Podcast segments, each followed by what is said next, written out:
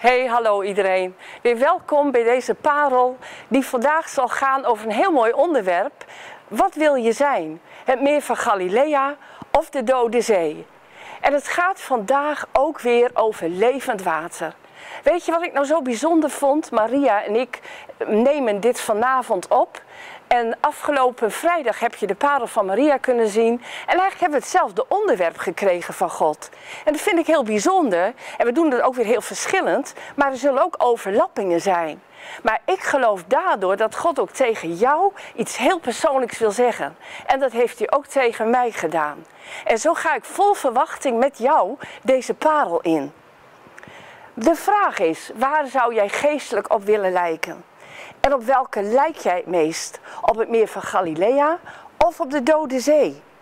Het is alweer vier jaar geleden dat ik met een prachtige VBG-reis naar Israël ging. En daar voor het eerst met mijn eigen ogen het grote meer zag. En ook de Dode Zee waar je op kon drijven.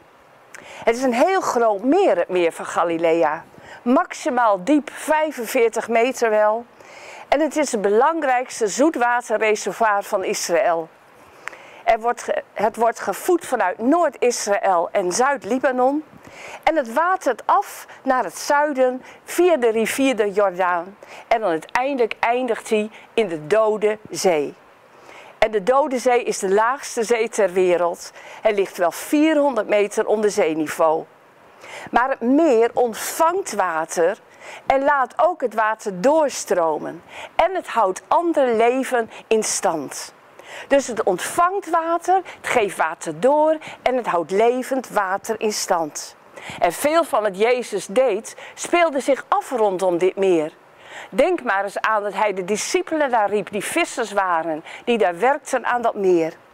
En ook bekende Bijbelverhalen, zoals de wonderbaarlijke spijziging die Jezus daar deed. En dat Jezus daar op het water liep. En wie kent niet het verhaal dat van die enorme storm op dat meer. En dat dan Jezus daar gaat staan in de boot en zegt tegen de storm. En ook misschien nu tegen omstandigheden in jouw leven. Zwijg, wees stil. Wat imponerende dingen zijn daar gebeurd in de bediening van Jezus. En de Dode Zee, ja, die geeft een instromend water niet door. Is niet gezond. Vandaar ook die naam. De concentratie van zout is zo hoog, 33 procent, zoals ik al aangaf, dat je er heerlijk kunt gaan liggen drijven. Maar mijn vraag is dan weer, waar zou jij nou op willen lijken? Waar wil ik op lijken? Op het meer van Galilea of op de Dode Zee? Als we zijn als het meer van Galilea, dan ontvangen we levend water van Jezus. En die zegt ook dat hij het leven is. En wij geven het leven door. En ik besef telkens weer hoe ik het levende water van Gods geest nodig heb. In verfris, als verfrissing in mijn relatie met God.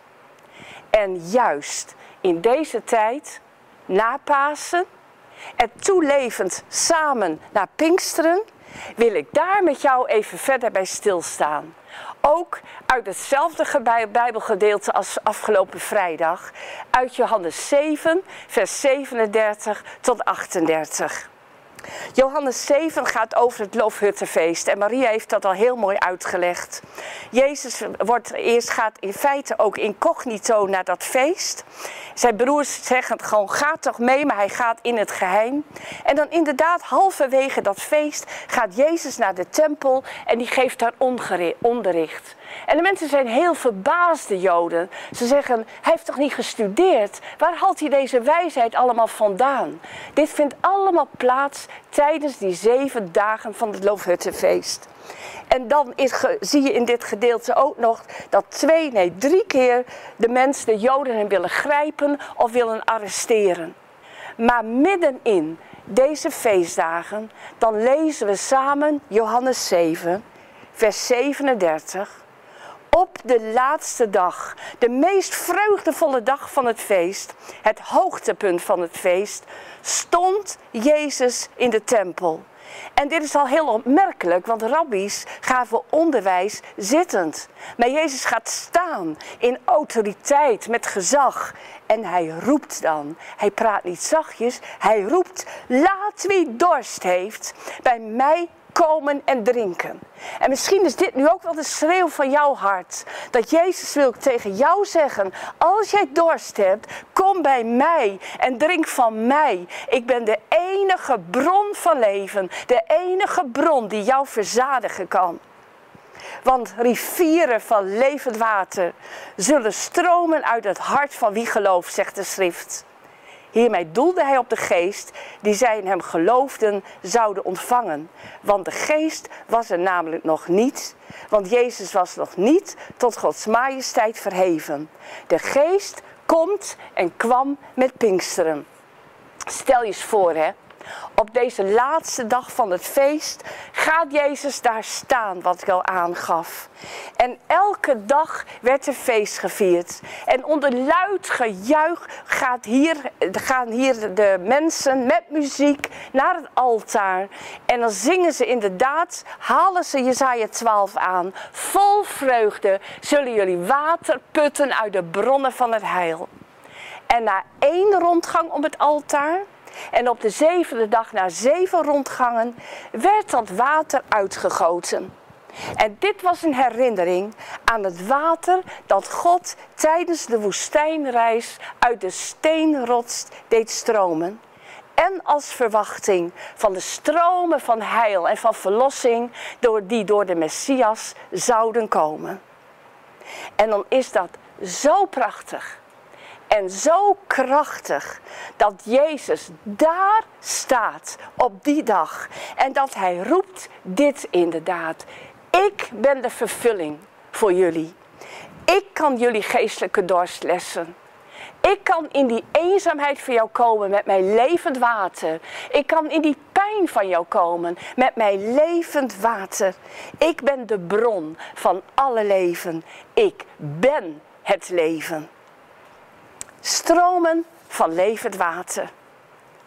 Ik verlang er steeds meer naar om uit die volheid te leven. De vraag is dan niet, wat kunnen we doen voor de Heer als we bijvoorbeeld meer tijd hebben, meer gelegenheid, meer geld of weet ik wat. Maar de vraag is, wat kunnen we doen, jij en ik, met de gaven en talenten die we van de Heer ontvangen hebben?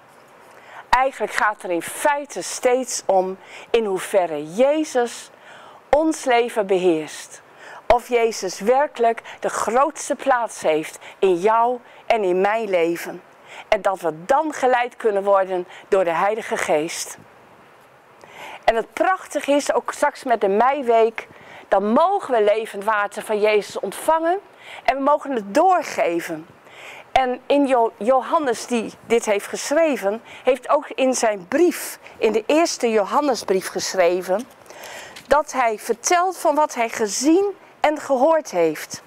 Ik ga het even lezen.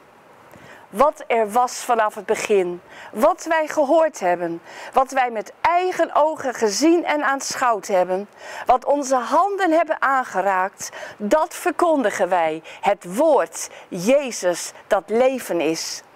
Het leven is verschenen, we hebben het gezien, we getuigen ervan. Zij zegt wat wij gezien en gehoord hebben, dat verkondigen wij ook aan u. Johannes zegt, wij zagen hem in zijn leven, in zijn bediening. Ik zag hem in zijn verheerlijking op de berg. We zagen hem hangend, bloedend aan het kruis. We zagen hem ook opgestaan uit de dood. Johannes zegt, ik heb hem zelf ontmoet. Ik ben oor- en ooggetuige. En daar vertel ik van.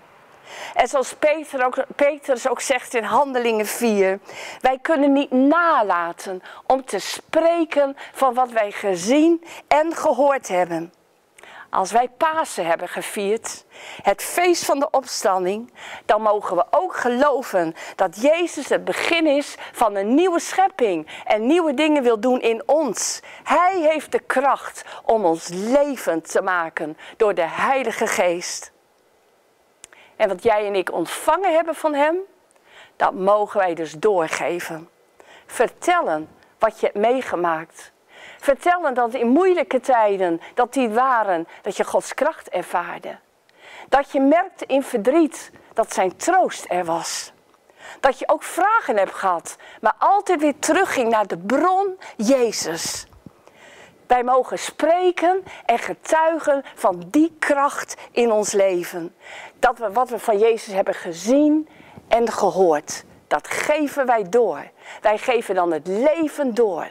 En ook als jij mee gaat doen met de meiweek, dan mag je dit weten. De geest is in jou. Hij gebruikt jou. Hij geeft het levend water door jou heen. Zodat je zult zijn. En zodat wij zullen zijn als een meer van Galilea. Dat water ontvangt en dat water doorgeeft. Wat gezond en levend is en op Jezus wijst. En soms besef ik ook hoe droog en dor we kunnen zijn. We kennen allemaal die momenten dat we denken, oh Heer, ik wil meer van u ervaren. Of ik maak weer meer tijd voor u. We kunnen dor en droog zijn. Maar daarom wil ik met je afsluiten uit een gedeelte uit Psalm 63, waar David dit zo mooi zegt. De, het besef van droogheid, dorheid, maar dat hij God nodig heeft. En als ik dit gebed met je lees, of dit, deze psalm met je lees, een paar versen, dan wil ik tegelijk ook die psalm gewoon uitbidden. Voor ons samen. Voor jou en voor mij. God, u bent mijn God. U zoek ik. Jezus, u bent onze Heer. Wij zoeken u. Naar u smacht mijn ziel. Naar u verlangt mijn ziel. Heer, geef ons een diep verlangen naar u. Naar u hunkert mijn lichaam. Mijn geest, ziel en lichaam zeggen, Jezus, ik verlang naar u. Geef mij een dieper verlangen naar u en naar uw geest.